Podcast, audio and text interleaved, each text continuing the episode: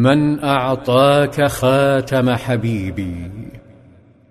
بدأت زينب تفيق تتعافى شيئا فشيئا. وهند بنت عتبة ترعاها وتعتني بها فهما ابنتا عم رغم كل الذي بينهما. لكن هند امرأة مفجوعة بأغلى قرابتها. وما زالت تفتقدهم. لذا فعندما يزداد وجع زينب تمرضها وتقول هذا بسبب أبيك. شعر صلى الله عليه وسلم بشيء تجاه تأخر ابنته وأتاه الوحي فنادى ابنه زيدا قائلا ألا تنطلق فتجيء بزينب؟ فقال زيد بلى يا رسول الله عندها لمح صلى الله عليه وسلم له أن يتصرف بذكاء. قال صلى الله عليه وسلم فخذ خاتمي فأعطها إياه. ودعا أحد الأنصار وطلب منه مرافقة زيد نحو واد يقال له يأجج. وقال لهما كونا ببطن يأجج حتى تمر بكما زينب فتصحبانها حتى تأتياني بها. فانطلقا وكان انطلاقهما بعد بدر بشهر. سار زيد متخفيا حتى وصل ذلك الوادي. فوجد فيه راعي غنم لا يعرفه. فلاطفه وسأله لمن ترعى. فقال الراعي لأبي العاص بن الربيع عندها شعر زيد بارتياح فسأله لمن هذه الغنم؟ فقال لزينب بنت محمد.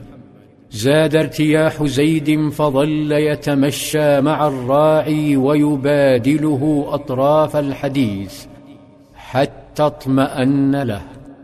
ثم التفت إليه بلطف وقال له هل لك أن أعطيك شيئا تعطيه زينب ولا تذكره لأحد؟ لم يتردد الراعي قائلا نعم عندها مد الخاتم ووضعه في يد الراعي. ولما اقترب المساء انطلق الراعي بغنماته كعادته.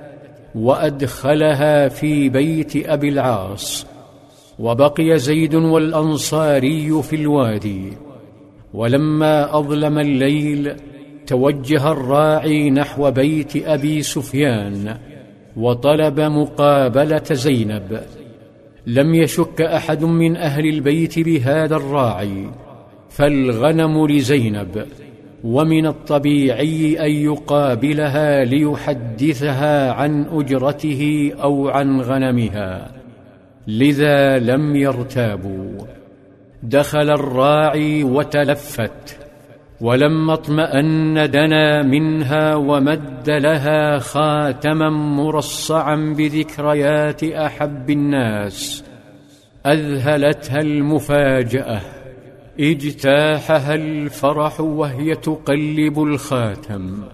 ثم قالت من أعطاك هذا؟ قال رجل. قالت فأين تركته؟ قال بمكان كذا وكذا. ثم ودعها. لم تنم زينب تلك الليلة. ظلت مستيقظة تنتظر رقود أهل البيت. ولما غفوا وغفت مكة تحاملت على جراحها ونزيفها وانسلت بهدوء تتهادى تتهزع في مشيتها تمشي حينا وتهرول حينا.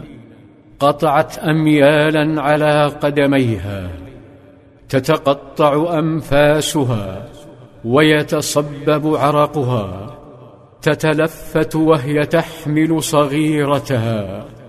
لا تدري ما الذي قد يفاجئها في هذه الليلة المخيفة خلال هذا الطريق المؤدي إلى الوادي الموحش.